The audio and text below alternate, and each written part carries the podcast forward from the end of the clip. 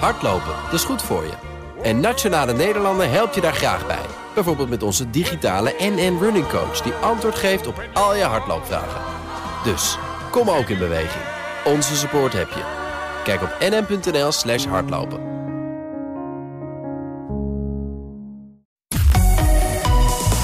BNR Nieuwsradio. The Big Five. Art Rojakkers. Welkom en fijn dat je luistert naar BNR's Big Five van de stad versus platteland. De kloof tussen stad en platteland, of tussen Randstad en niet-Randstad, staat weer op de agenda. Boeren roeren zich met hun protest in de grote steden, terwijl stadse discussies, zoals over Zwarte Piet, juist uitwaaieren over het hele land. En dan zijn er ook nog al die thuiswerkers die onder invloed van corona de stad uit willen. Wordt de kloof steeds dieper of valt het wel mee?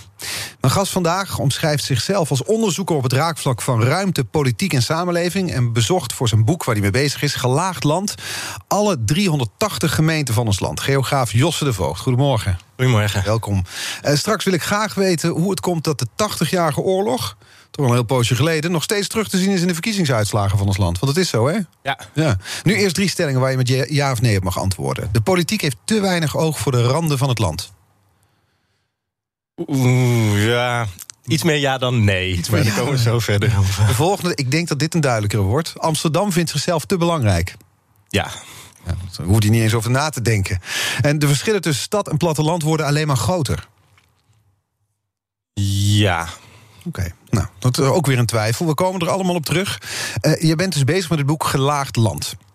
Daarvoor bezocht je alle gemeenten van ons land. 380 zijn er dat, na alle herindelingen. Uh, wat is nou eigenlijk de meest gemiddelde Nederlandse gemeente?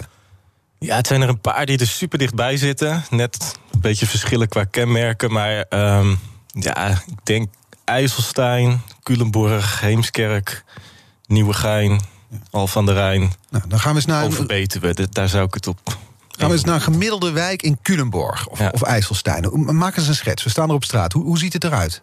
Rijtjeshuizen. Echt uh, 60% van Nederland woont in een rijtjeshuis van 201 kap. Zo ongeveer.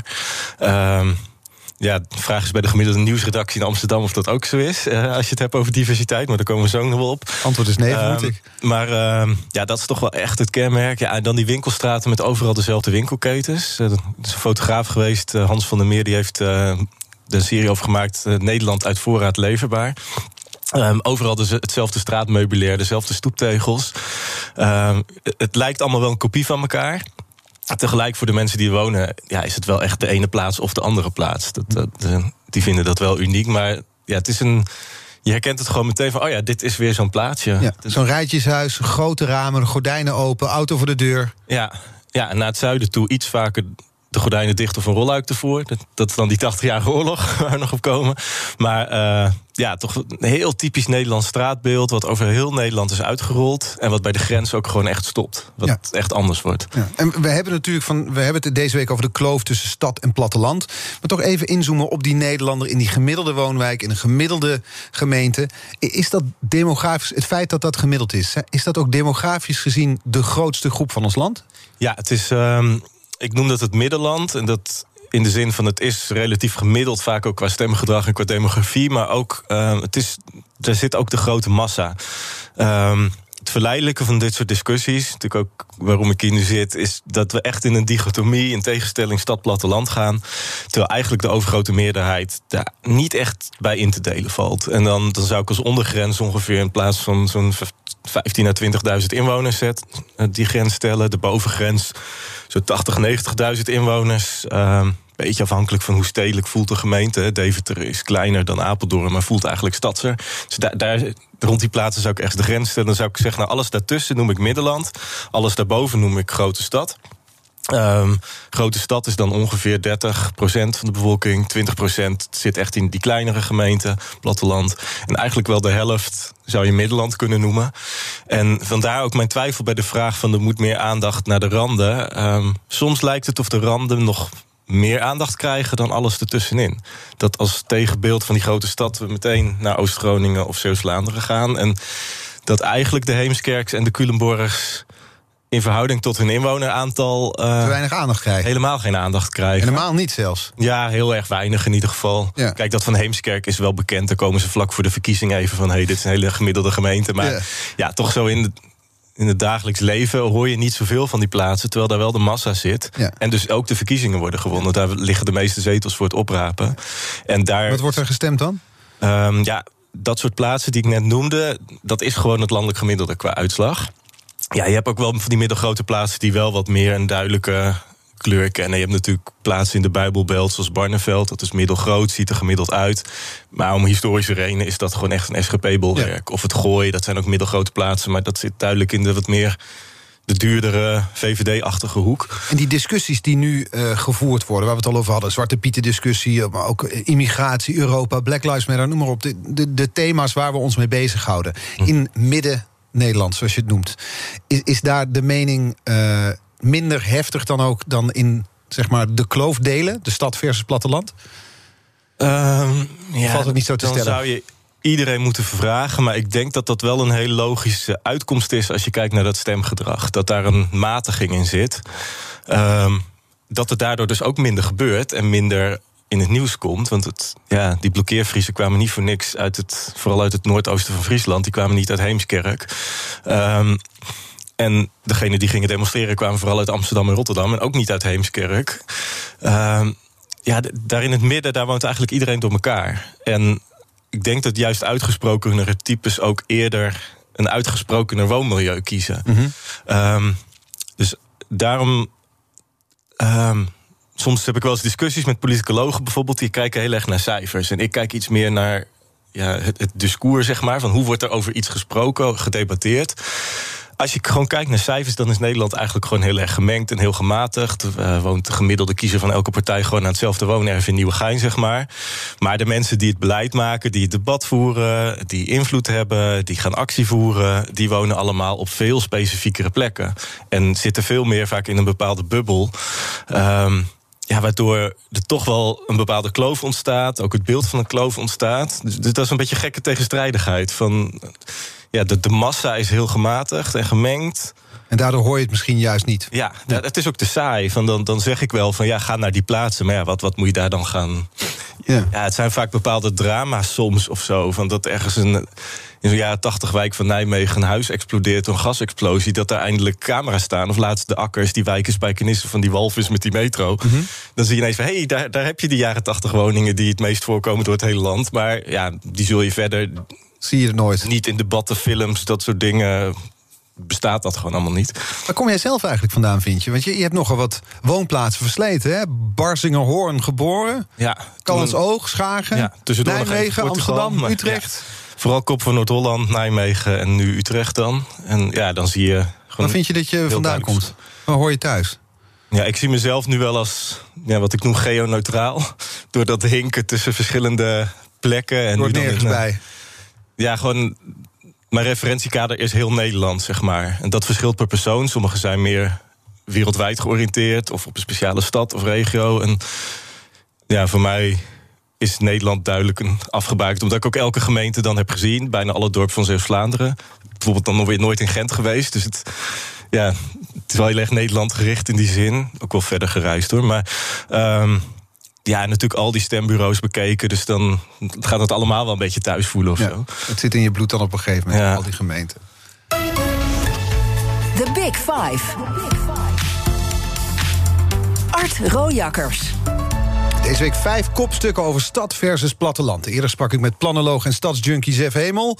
Later deze week komen de nieuwe boerenvoorman Sjaak van der Tak... Tubantia-hoofdredacteur Marta Riemsma langs... en zanger Jack Poels van Rowan Hezen. En nu te gast geograaf Josse de Voogd. Ehm, we hebben het nu over Midden-Nederland gehad. Gaan we toch eens even naar die, die, die twee uitersten kijken. Stad versus platteland. Eh, voor iemand die al die gemeenten van Nederland bezocht heeft. Wat is voor jou dan het grootste verschil... wat jou betreft tussen stad en platteland? In Nederland. Ja, wat ik wel. Daarom vond ik die, dat, die Zwarte Pietenblokkade in zekere zin wel, wel een, echt een historisch moment. Ehm Jenny Douwes, die daar het initiatief van die kwam uit Harkema. Nu woont ze er niet meer, maar het bedrijf zit er nog wel, geloof ik. Ehm, het Zwarte Pieter-protest kwam uit Amsterdam. Harkema ligt in de gemeente Acht-Karpselen, in Noordoost-Friesland. Ik denk wel dat, dat je dan echt de twee uitersten te pakken hebt. Er zijn nog wel een paar van die plekken hoor. De Veenkolonie in het oosten van Drenthe. Of maar dan heb je de linkse, progressieve, cosmopolitische stadsbewoners tegenover de rechtse, conservatieve plattelandsbewoners. Moet ik het zo ja, zien? ik vind wel. ehm, ik denk dat je verschillende soorten links en rechts hebt. Eh, ik denk dat van oudsher Noordoost-Friesland. Ja, de, de PvdA is ook ongeveer net iets zuidelijker, maar in die hoek opgekomen. Juist als plattelandsbeweging. het is gewoon. Ik zie links naar een bepaalde hoek afdrijven. In ieder geval een deel van links, waar ik ook veel moeite mee heb. Die, die vind ik veel te veel op Amsterdam gefocust. Die hebben, denk ik, die regio een beetje in de steek gelaten. Terwijl die van oudsher, in ieder geval sociaal-economisch, wel links is. Ehm ja, Harkema is dus een dorp wat heel arm is van oudsher. ehm, waar men nog helemaal niet zo lang geleden, en hoef je echt maar één, twee generaties terug te zijn, in plaggenhutten woonde. Ehm, wat natuurlijk totaal niet betrokken is bij dingen als slavernijgeschiedenis. Die hebben echt nooit aan de knoppen gezeten van hoe het in Nederland gaat. De overheid wilde ooit dat dorp ook ontruimen. Want ja, wilde zeden, dat moest je niet hebben. Die mensen moesten maar in andere dorpen ondergebracht. Ehm, en ja, die, hebben, die bewoners hebben zich verzet. Die dorpen zijn daar toch. Het is een bepaald strookje. Hè. Er zijn nog een paar van die dorpjes. eh, Zo'n heidegebied. Waar de, de, onaangepaste, zeg maar. eh, dan bleven wonen. En daaromheen heb je dan wat, wat burgerlijkere dorpen op de kleigrond. Ehm, ja, en die overheid wilde eigenlijk van die dorpen af. Eh, ja, in zekere zin toch een soort van. Een soort tweederangs burgers, kolonie-achtige achtergrond. En, ja, daar kwam nu zo'n Amsterdamse bus vol demonstranten ja, ja, voorbij. dat Die kwamen zeggen dat Zwarte wel Piet niet meer kan. ja, en dat leeft ook een beetje aan de zuidrand van het land. Die grensdorpen met smokkel. Altijd een beetje een moeilijke verhouding tot de overheid. Uiteindelijk toch redelijk succesvol geworden met ondernemingen. Die plaggenhutten zijn door zelf nieuw gebouwde huizen dan vervangen. Ja, je ziet het ook Glanenbrug, Groesbeek, Sint-Willebroord, dat soort dorpen langs een beetje in de periferie van het land. Eh, daardoor toch wel zekere trots. Ja, en dan komen ze vanuit die randstad komen ze dat vertellen hoe het zit, zonder enige kennis van zo'n regio. Ehm, dus ik zag dat eigenlijk dat conflict als twee groepen die ik als. Je hebt periferie in letterlijke zin van de rand van het land. Maar je hebt ook periferie van groepen die niet meedoen. En die kunnen net zo goed in de Bijlmer in Amsterdam, wat dan weer de periferie van de stad is. Dus je hebt, ehm, het waren eigenlijk twee perifere groepen die vinden dat ze niet meedoen met het vormen van dit land. Die tegenover elkaar stonden, als vijanden van elkaar worden gezien. Terwijl ik eigenlijk ook denk van ja, deels hebben ze gewoon dezelfde belangen. Ze willen meer representatie van hun groep in eh, de kant waar het met Nederland op gaat. En die- schoppen die- tegen dezelfde elite. Die ontmoeting daar op de snelweg, als we het een ontmoeting kunnen noemen, die blokkade op de snelweg, dat is eigenlijk, dat vat het verschil tussen stad en platteland, vat het enigszins samen. Ja, ik denk wel van dat het heel erg. Dat, dat wordt ook weer gevoed natuurlijk door ja, rechtspopulistische partijen, door media die dit interessant vindt. Het wordt heel erg langs een culturele lijn gevoerd, langs Zwarte Piet. En alsof iedereen in de stad van Zwarte Piet af wil en iedereen op het platteland dat niet wil. Terwijl, kijk, ook op het platteland, dat heb ik ook in de Kop van Noord-Holland gezien, lang voordat die Zwarte Pieten-discussie zo groot werd, waren mensen van kleur die last hadden van Zwarte Piet. Ehm, die zich toen waarschijnlijk nog niet zo massaal durfde uit te spreken, waar je die stedelijke beweging dan voor nodig hebt. Ehm, dus dat is, ja, uitsluiting, racisme is niet per se. Ze zeggen platteland soms te makkelijk. Daar zijn we hier niet mee bezig. Ja, dat komt gewoon omdat die groep nog niet groot genoeg is om daar een stem in te hebben. Dus wat dat betreft, ik ben helemaal voor aanpassing van die Zwarte Piet. En toch begreep ik dat sentiment waarom die blokkade ontstond. Ehm, en je, soms als je met Friesen spreekt, dan, dan met Zwarte Piet hebben ze niet eens zoveel. Maar ze werden ook geraakt door, eh, door die blokkade van potverdorie. Ehm, het gaat nooit over ons. En dan is ook het lastige. Kijk, in die bus zaten enerzijds die activisten, maar ook heel veel journalisten, filmmakers. eh, ja, witte Amsterdammers, zeg maar. Dus dan is het ook een beetje van ja, was die blokkade nou tegen andere gemarginaliseerde groepen of toch tegen de elite? Dat liep een beetje Liep door elkaar. ingewikkeld door elkaar. En als je dat voorbeeld bekijkt en ook kijkt naar ehm, de ontwikkelingen die je verder ziet, heb je dan het idee dat stad en platteland verder uit elkaar zijn gaan lopen de laatste jaren? Ja, wel meer. Ehm, Waar, waar zie je dat Het hangt net vanaf naar welke cijfers je kijkt. Als je puur naar droge inkomenscijfers kijkt. In zekere zin komt het juist dichter bij elkaar. Want de afgelopen decennia waren steden altijd armer dan de rest. Eh, door veel sociale woningbouw, doordat de hogere middenklasse trok er weg. Er kwamen veel mensen met migratieachtergrond, er kwamen veel studenten. Dus dat inkomen was laag. Dat corrigeert zich nu een beetje, omdat steeds meer mensen met geld in die stad willen blijven wonen. Dus even puur financieel gezien zit er een zekere middeling in. Alleen als je dan precies gaat kijken, zijn het hele specifieke groepen. Het zijn vooral hoger opgeleiden die massaal samenklonteren in die stad. Uh, het zijn vooral vrouwen die vanuit het platteland naar die stad trekken. Uh, dat Sef het Hemel het gisteren al uitgebreid ja. over. Vrouwen gaan studeren, blijven in de universiteitssteden ja. hangen... waardoor je in de grote steden van Nederland, Amsterdam, Utrecht... is die verhouding echt scheef. Dan zie je in, in Utrecht is de dag ook voor elke 100 vrouwen 73 mannen. Amsterdam 100 vrouwen 81 mannen. Ja, en op platteland gebeurt het andersom. Precies. In ja, 90% van de gemeente heb je dus een mannelijke meerderheid... onder de jongere categorie mensen. Dus dat gaat uit elkaar trekken op allerlei fronten. Daarnaast in die grote steden heb je veel meer expats... Uh, die uh, ja, daarvoor de bedrijven die in die steden zitten komen, de, de, universiteiten die internationaliseren. Dus er is veel grotere verhuisdynamiek, zowel binnenlands als buitenlands. Um, dus je hebt in de steden even toch maar samengevat, even langs de grote lijnen heb je hoogopgeleide uh, en expats, vaak ook hoogopgeleid vrouwen, die, die, die zijn gaan studeren. Dat voor, vormt een soort samenklontering, zoals je het noemt. En dan op het platteland heb je dus de meer mannelijke uh, samenleving die minder hoog opgeleid is. Ja. En dat clasht. Ja, dat, dat gaat ook denk ik steeds meer clashen. Omdat uh, ja, de, de, de dynamiek is gewoon heel anders. Uh, en de prioriteiten zijn heel anders. Die stad die wil zich. Wat in de stad gebeurt, wil die stad nu ook graag terugzien in het bestuur van Nederland. Uh, en dan komen we bij wat ik toch wel, denk ik, als de grootste kloof beschouw tussen stad discussies over ongelijkheid, discriminatie, afspiegeling, diversiteit. Mm -hmm. Um, die stedelijke samenleving is heel anders dan de rest. Mm -hmm. Maar die is wel in de minderheid. Mm -hmm. En dat vergeten we vaak, dat die in de minderheid is. En die stedelijke samenleving die wil zich weerspiegeld zien in uh, het bestuur van Nederland, in de media. Um, ja, en die clasht eigenlijk met de statistische werkelijkheid van de rest van Nederland. Um, en wil in zekere zin wil opleggen aan de rest van Nederland.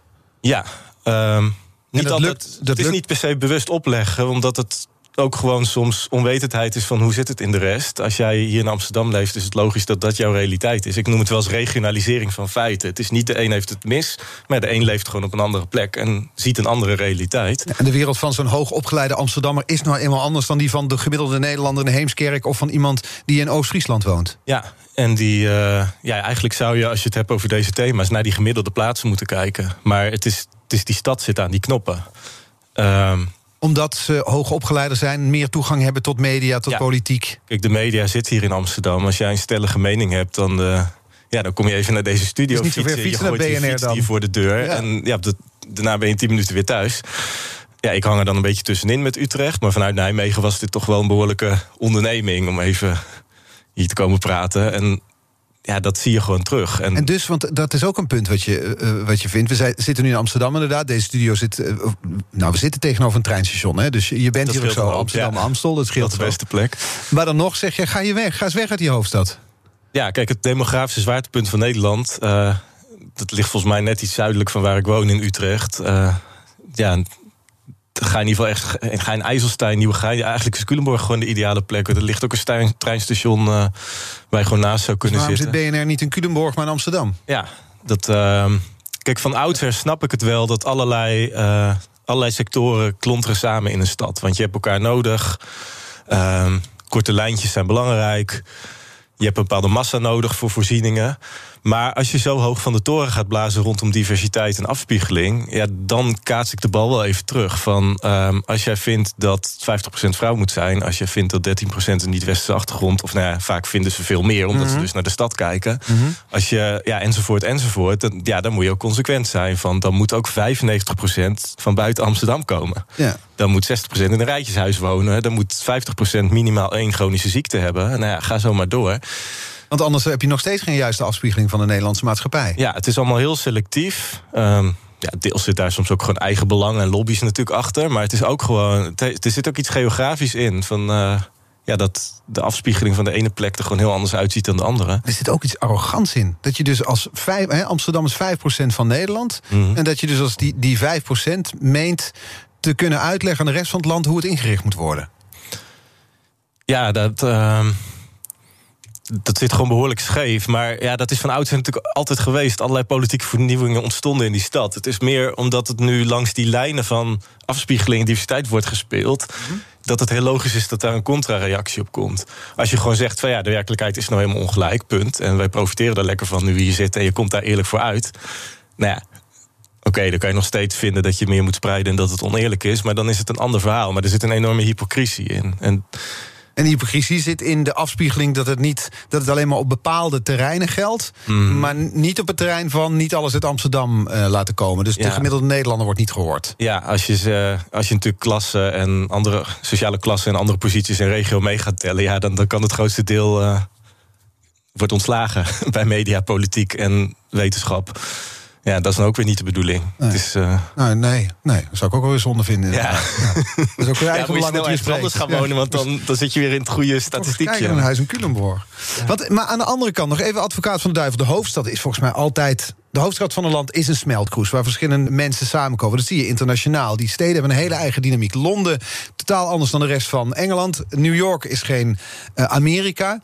Moet Amsterdam dan niet zich daar in dat rijtje plaatsen? Amsterdam is niet Nederland, maar heeft zijn eigen, ja, zijn eigen ja, moet je, smeltkroes.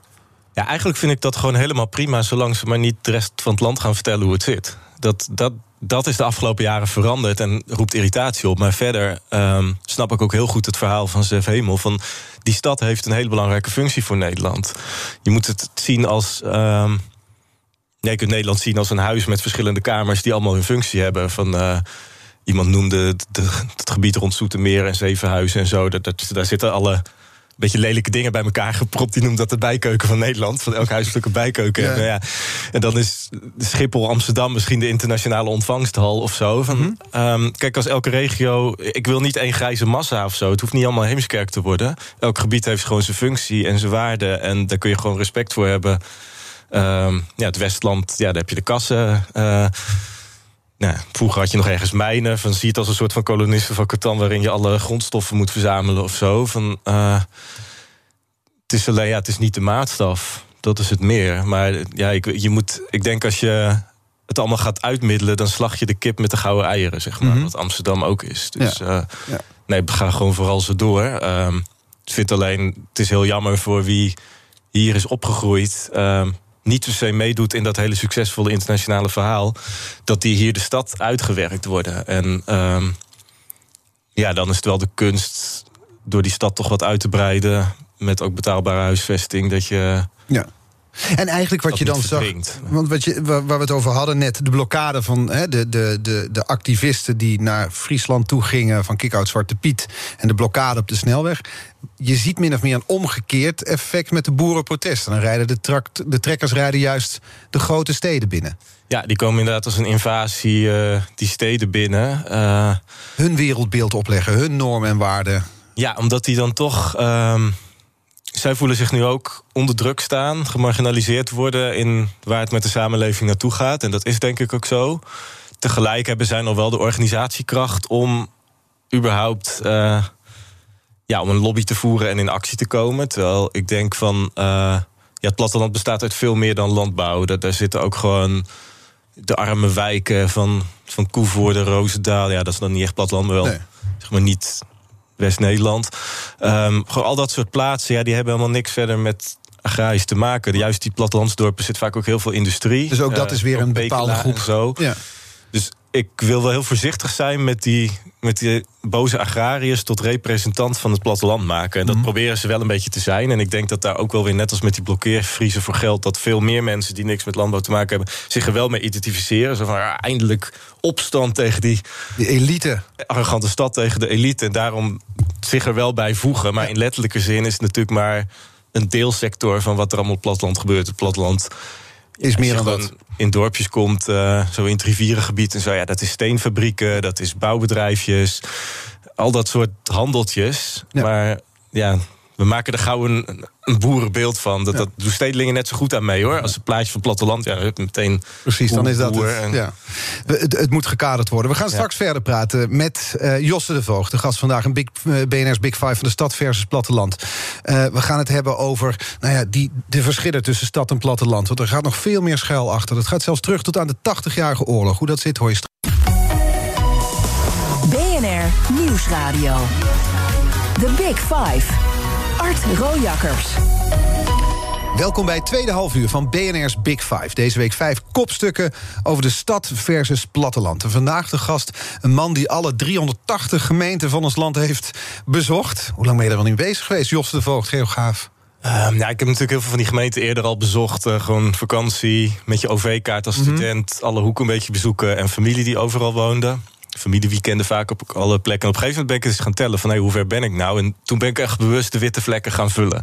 Om gewoon echt elke hoek. En ja, je kunt oneindig doorgaan, want binnen elke gemeente heb je weer zoveel dorpen en plekken. En ja, je kunt soms een straat oversteken. Je komt dan weer in een andere wereld. Bijvoorbeeld ook weer qua stemgedrag. Dus ja, voor de rest van het leven interessante materie. De rest van de wereld is ook leuk om te bezoeken. Maar, maar heb je het idee dat je, uh, want je hebt ze dus allemaal gezien, heb je het idee dat je Nederland nu ook kent? Dat je ons land weet te doorgronden? Nou ja, het dubbele is dat hoe meer je erin verdiept, hoe meer je ook ziet van wow, er is nog veel meer. En aan de overkant van de weg is een andere wijk waar ik nog niet aan toegekomen ben. Dus het, de informatie neemt alleen maar toe of zo. Van eerst denk je van ja, ik heb alles wel gezien, joh, alle spoorlijnen een keer gehad. Ik wil de rest van de wereld zien. Um, maar ja, je kunt elke keer weer een laagje verder gaan. Uh, ja, laatst gefietst van Utrecht naar Tilburg in plaats van de trein zoveel van die ja, bijzondere dorpen. En ja, dan zie je ook die cultuurverschillen. Die zie je veel beter als je loopt of fietst door het land... dan in de city van de ene hippe stad naar de andere stad neemt. Dan ga je van koffietent naar koffietent, maar je vergeet ja, wat er tussenin zit. Ook in Tilburg is de oude bebouwing natuurlijk iets anders dan in Utrecht. Maar toch, er is een laag overheen gelegd van, van hipster, grootstedelijkheid of zo... die dan toch een beetje hetzelfde is.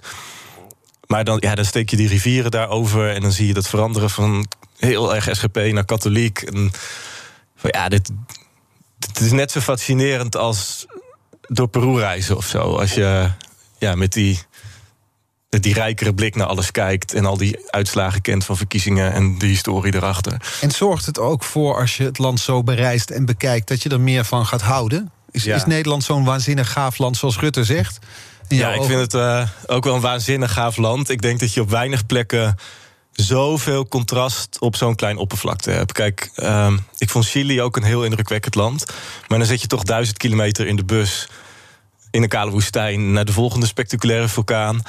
Ja, als je hier op dat fietstochtje, wat ik zei, van 70 kilometer, wat je daar allemaal aan landschappelijke variëteit vindt en aan culturele variëteit, dat vind ik wel echt heel bijzonder dat dat zo dicht bij elkaar uh, in zo'n klein land zit. Um, ja, en dan, dan wordt ook alles mooi. Als je meer naar details gaat kijken, en dan is Nederland ook niet plat. Dan zie je van, hey, um, het zanddeel van, van Drenthe is vier meter hoger dan het, uh, het veendeel. En dat is meteen ook een keiharde culturele grens. En in stemgedrag, ja, dan, je ziet dan steeds meer details. En dat is ook gewoon... Uh, ja, wordt het land steeds interessanter van. Ja, want daar kijk je dus ook naar, die, naar die electorale lijnen. Je ziet dus, je, je kan bijna ongeveer de grond waarop mensen wonen bepaalt, nou niet bepaald, maar geeft weer waar ze op zullen stemmen, zo'n beetje. Ja, en dat komt door andere manieren van. Kijk, bij die mensen die heel lokaal blijven wonen, echt door andere manieren van culturele socialisatie, andere geschiedenis. Met het zand en veen in uh, Drenthe bijvoorbeeld. Uh, kijk je even naar een grote stad, dan is het vaak gewoon van ja, het, stuk waar zand op waar de zandgrond was, ja, daar stonden mooiere grotere bomen. Dat, is gezonder om op te wonen. Want vroeger was het natuurlijk nog niet, geen riolering en alles. Dus je ziet ja, steden als Amersfoort, Arnhem. Um, nou, eigenlijk het gooien ook als heeft die functie voor Amsterdam. Bergen bij Alkmaar. Dat, Den Haag natuurlijk ook heel duidelijk de tegenstelling van ja, de rijkere mensen wonen op de drogere, zanderige gronden met mooie grote bomen ertussen. En het zompige, uh, vochtige deel, daar zitten de goedkopere wijken. En dat, dat, zie je nu nog steeds? Ja, en dat, zie je zelfs in steden waar helemaal geen heuvels zijn. Maar dat zijn hele subtiele verschillen. Dat gaat dan om anderhalve meter verschil. Neem Breda of zo. En toch zit die tegenstelling daarin. Ja. En eh, bepaalt dat ook nog steeds uh, het feit waar je wieg staat? Bepaalt het ook ja, wat je kan worden? Met andere woorden, de, de, de, de plek waar je opgroeit, uh, bepaalt die, zegt iets over de kansen die je krijgt? Ja, maar dat is natuurlijk wel complex, omdat uh, het ook gewoon om de ja, wie je ouders zijn. Um, je kunt op dezelfde plek wonen natuurlijk en toch in een heel andere sociale positie zitten. Maar het is gewoon wel een van de factoren. En um, ja, op het platteland is natuurlijk veel minder mogelijkheden qua onderwijs. Uh, qua schooltype. Dat, uh, dus ja, dat, dat, dat drukt een beetje naar beneden. Ja, dat zie je rond discussies als onderwijsongelijkheid. Het is in de stad iets heel anders dan op het platteland. In de stad gaat dat vooral over segregatie. Krijg je een te laag schooladvies, dan beland je ja, toch op een school met meer mensen uit de lage klasse dan wanneer je naar die meer elitaire school gaat. Ja, platteland zit alles wat meer door elkaar, maar zijn de verwachtingen weer erg laag. En is überhaupt die wat betere school is er niet. Dus dan is het meer ja, dat er zeker plafond aan zit of zo. Um, dus zo heeft elke plek heeft wel invloed. Heeft, elke plek heeft ook wel weer voor- en nadelen. Dus dat, ja, dat is allemaal wat harder en gesegregeerder, maar er zijn ook veel meer kansen. Ik vraag het ook dus, uh, vanwege de kettingvraag die ja. onze gast elkaar hier stellen. Gisteren was hier Zef Hemel, planoloog, de gast. En die vroeg iets over de, de kansenkaart. Luister maar even mee. Ik vind uh, het werk van Josse heel erg interessant. Uh, hij was een van de eerste die als een, een soort van politiek geograaf kaarten ging maken. Ik, ik wantrouw overigens kaarten altijd. Hè. Het is altijd Wantrouwt kaarten? Ja je, moet, uh, ja, je moet altijd uitkijken. Het is altijd how, how, to lie with statistics. Ja, nee. Er worden heel veel leugens verteld. En je moet altijd achter de kaarten kijken hoe ze worden samengesteld. En daarom wil ik van hem heel graag weten. Er is de kansenkaart. Kansenkaart.nl. En die vertrouw ik niet. Of hij daar eens naar wil kijken. Hij kent hem, ongetwijfeld. Kansenkaart.nl. Kun je eerst toelichten wat het is? Um, ik moet het nog wat uitgebreider bestuderen, moet ja. ik eerlijk zeggen. Maar ja, een opeenstapeling van allerlei factoren waaruit uh, ja, dan die kansen worden berekend. Of misschien ook over generaties gekeken. Het zegt in ieder geval iets over. Waar, hier staat je wieg en dit, dit is hoe ver je kan komen in het leven, zal ik maar zeggen. Ja, nou ja, de kansen is, die je krijgt, de kansen die je hebt. Um, ik vind het heel raak wat Sef ook zegt. Van, uh, ik zeg ook vaak, ja, ik begin mijn presentatie vaak met elke kaart liegt. Um, je kunt niet alles in een kaart vatten en je kunt door de kleurtjes wat bij te draaien of net wat anders, anders te laten zien of anders te corrigeren op dingen. Ja, je kunt, je kunt er gewoon mee joemelen. Um, je kunt het ook preciezer doen lijken dan de werkelijkheid is. Want die is natuurlijk heel complex dat je niet. Ja, je moet het gewoon ik geloof heel erg in de opstapeling van informatie. Van deze kaart zegt misschien dit over dit gebied. Ja, die ander kan met iets tegenstrijdigs komen. Maar alles bij elkaar kom je toch wel op een redelijk eerlijk beeld. En je moet ook gewoon gesprekken voeren met mensen. Omdat uh, de ongelijkheid op de ene plek gewoon zoiets anders is als op de andere plek. En ik denk dat je dat moeilijk in zo'n kansenkaart kunt vatten. Van je kunt wel zeggen van ja, je ouders zijn arm. Want dat is de vraag die erachter zit inderdaad. En maakt het iets uit waar je opgroeit? Ja, ik geloof wel dat dat invloed heeft. Maar ook wel dat dat zodanige verschillende invloed heeft... dat het heel moeilijk is het naast elkaar te zetten. En dat we soms wel een neiging hebben iets te kwantificeren... wat niet helemaal kwantificeerbaar is. Daar een kaartje of een tabelletje van te maken. Bijvoorbeeld het schooladvies wat ik noem... Ja, dat heeft op de ene plek gewoon andere gevolgen dan de andere. En toch denk ik van ja, het is wel heel belangrijk... dat je er naar op zoek blijft, naar verschillen. Want ja, je kunt het ook als het dood doen en we kijken daar gewoon helemaal niks, niet naar, we doen er niks aan. Als je ze maar gewoon niet al te letterlijk neemt. Maar je ziet wel gewoon die ophoping in bepaalde stadswijken en bepaalde delen van de periferie. En die is gewoon heel duidelijk. Want als we bijvoorbeeld naar het onderwijs kijken, de discussie over achterstanden in het onderwijs, over segregatie, die, die lijken vooral toch met een randstedelijke blik misschien gevoerd te worden. Ik, ik lees daarin dan weinig over hoe het eraan toe gaat in Oost-Friesland.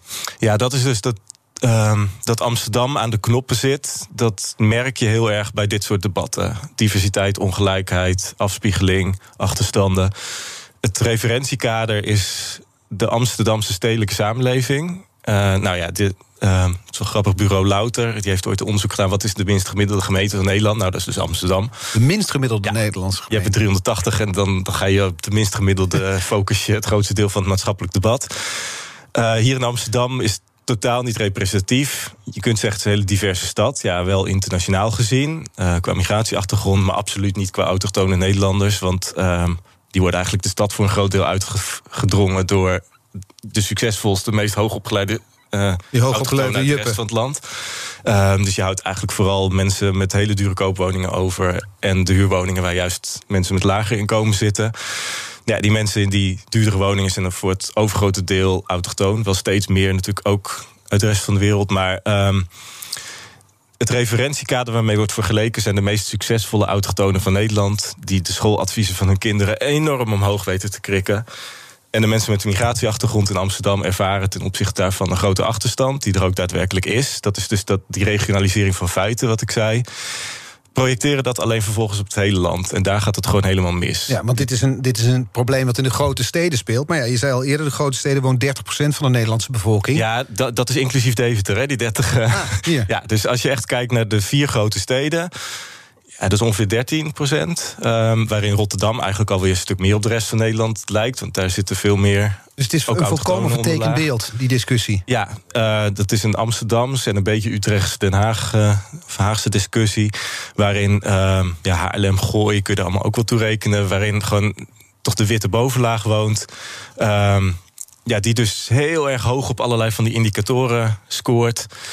Ehm, en daarmee wordt steeds vergeleken. En daar worden ze in Harkema ook op aangekeken. Met Ja. theorieën over wit privilege en dergelijke. En eigenlijk lijkt het vooral dat het een extra bonus is. Dat witte privilege bovenop klassenprivilege. Ehm, waardoor je dus in Amsterdam wel een relatie met migratieachtergrond vindt. Maar op landelijke schaal niet. Ja, dus even, ik probeer het weer even in simpelere taal te zeggen. Eigenlijk zeg je, wat er dus in Harkema speelt... Mhm. da- daar is het niet zo dat je automatisch... je hebt het over wit privilege, dat je daar meer kansen hebt. Daar heb je ook eh, in onderwijs heb je ook achterstanden. Maar Ja. die, dat debat wordt niet gevoerd. Ja, die onderadvisering is daar echt dramatisch. Ehm, Dus kinderen krijgen daar een te laag schooladvies. ja, en daar gaat het debat gewoon niet over. Tot zo, Jurgen. BNR Nieuwsradio. The Big Five. Art Rojakkers. Je luistert naar BNR's Big Five van stad versus platteland. En vandaag de gast geograaf Josse de Voogd. Bezig met het boek Gelaagd Land. Daarin wordt een politieke analyse ook van ons land gemaakt. En daarin stel je dat de beplanting in de tuinen... de inrichting van de vensterbanken... en de auto's en de fietsen voor de deur verraden... op welke partij er wordt gestemd. Vertel. Ja, als je zo'n tocht maakt door zo'n eh, stad dan, en je kijkt naar die verschillende wijken, dan zie je dat die dus heel anders uitzien. eh, en ook heel ander stemgedrag bij hoort. En dat dat dus ook in heel veel steden terugkomt. Van, ja. ja, ik fietste dan toen ik hier allemaal mee begon eh, door Nijmegen. En ja, de GroenLinks D60-wijken hadden veel bakfietsen, de PVV-wijken hadden veel rolluiken. Ja, en dan kom je in Arnhem, hey, het is weer zo. Of, eh, En wat voor de planten staan er dan bijvoorbeeld in de tuinen... bij een PVV-stemmer? Nou, die hebben vooral heel veel tegeltuinen. Of die. eh Buxus was eerst heel populair, maar die lijken ze er allemaal uit te gooien. Dan komt die buxusmot. Dat is Ja. een groot probleem. Dat is ook waar Ja. natuurlijk. Je moet eh, het account onderhoudsarmoe op Twitter maar eens bekijken. Dan, dan zie je die verandering. Hoe al die eh, planten eruit gaan en het steeds meer tegeltuinen worden. Ehm, ja, vooral de- veel tegels. En de vensterbank, wat zie je daar dan voor nou, verschillen? interessant is te kijken naar, naar symmetrie. Ehm, in die beetje hipsterachtige GroenLinkswijken, net vaak zo in een ring rond het centrum van de stad, zijn de vensterbanken vaak niet symmetrisch. Aan de ene kant staat een, een plant, zo'n vinger- of gatenplant. Aan de andere kant een kat. Ehm, aan de ene kant van de muur vaak een boekenkast zichtbaar vanaf de straat. En ehm, in andere wijken met. eh, daar is juist heel netjes vaak die symmetrie van twee fasen. Eerst waren het vaak twee gansjes. Dat soort kleine details zie je vaak al terug van... oh ja, daar woont net een ander type publiek. En, eh, En dat vertelt dus zelfs iets over op wie we stemmen. ja, kijk, niet helemaal één op één. Hè. Het is meer van, dan Nee, is is de kans groot dat dit exact. type partij in die wijk wat groter is. Het is niet iedereen die dat heeft, eh, heeft hetzelfde. Maar ja, je ziet het wel heel duidelijk met elkaar opgaan. En die kloof tussen stad en plat, wat- platteland waar we het over hebben... hoe uitzicht die in ons stemgedrag? Is het zo cliché als ik denk? GroenLinks in de steden, PVV op het platteland? Eh, in toenemende mate. Want kijk, ehm, rechtspopulistische partijen zijn eigenlijk, als je teruggaat naar de jaren negentig, als je dan even bijvoorbeeld Centrum-Democraten als voorloper ziet, eh, daarna de LPF, daarna PVV, Forum erbij, nog een beetje op hetzelfde sentiment teren. Ehm, dan is er een verschuiving van oude stadswijken steeds meer richting platteland. Ehm, het is nog steeds relatief hoog, bijvoorbeeld in het zuidelijk deel van de Randstad ten opzichte van het noordelijk deel. Omdat gewoon ja, ander type economische structuur, ander type bevolking, veel minder die kenniswerkers. Ehm, maar overal zie je van in de grote steden neemt het af. In specifieke randgemeenten met veel lagere middenklasse blijft het hoog. Almere, Spijkenisse. En waar het bijvoorbeeld heel erg toeneemt is Almelo. Is dus ook Achtkarpselen in Noordoost-Friesland. daar, daar werkt het allemaal vertraagd door. Maar dan in, echt nu in toenemende mate. Dat worden steeds meer de populistische bolwerken, zeg maar. En dat is zelfs ons, ons stemgedrag. En die, die verdeling is zelfs terug te voeren op de 80-jarige oorlog, is jouw stelling. Dat is hier ook een factor in. Naast die specifieke patronen van wat armere gebieden, plekken waar industrie verdwijnt, eh, plekken waar mensen met een minder hoge opleiding, meer praktische opleiding wonen. Uh, stemmen over het algemeen meer op die partijen. Maar ja, daarom ook die term gelaagd land. Daar komt vaak nog een historisch laagje bovenop. Dat in het hele zuiden ten opzichte, ja, een stukje Zeeuws-Vlaanderen, een stukje Gelderland, ook nog verder Brabant-Limburg, ligt het niveau van partijen als PV en SP 50 plus ligt daar hoger dan in de rest van het land. Ook in gemeenten die verder niet aan die andere kenmerken voldoen. Die verklaring is dus terug te voeren op wat er toen gebeurde in de 80-jarige oorlog. Er is toen een scheidslijn in Nederland ontstaan tijdens een bepaalde bestandsperiode waarin een hele scherpe lijn tussen juist het meest protestantse gebied en het katholieke gebied is ontstaan. Die zo ja, een schuine lijn door dat rivierengebied loopt. Um, wat nog langer bij Spanje heeft gehoord, dat zuiden. En daarna weer bij Nederland is gekomen, maar wel een, toch een tweede rangs gebied binnen Nederland werd. En dat veroorzaakt het gevoel, we horen niet bij. Ja, dat is enerzijds, daardoor is dat sentiment in het zuiden tegen Den Haag gewoon nog ietsje groter. Iets meer ja, soort populistisch anti-establishment sentiment.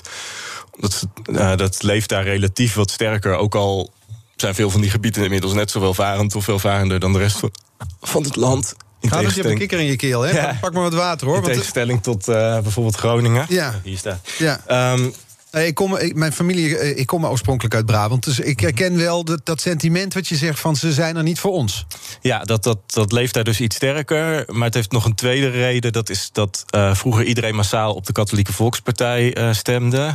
Dat was een soort van emancipatiebeweging tegen die achterstelling. Daar stemden eigenlijk mensen uit alle sociale klassen op. Dus er bestaat daar veel minder een traditie om. Uh, van generatie op generatie op dezelfde partij te stemmen. Dus mensen zijn er wat wispelturiger nu in hun stemgedrag. Omdat dat, het katholicisme is eigenlijk heel recent heel snel ingestort. Mm -hmm. Terwijl in het noorden ontkerkelijking al wat langer geleden begon.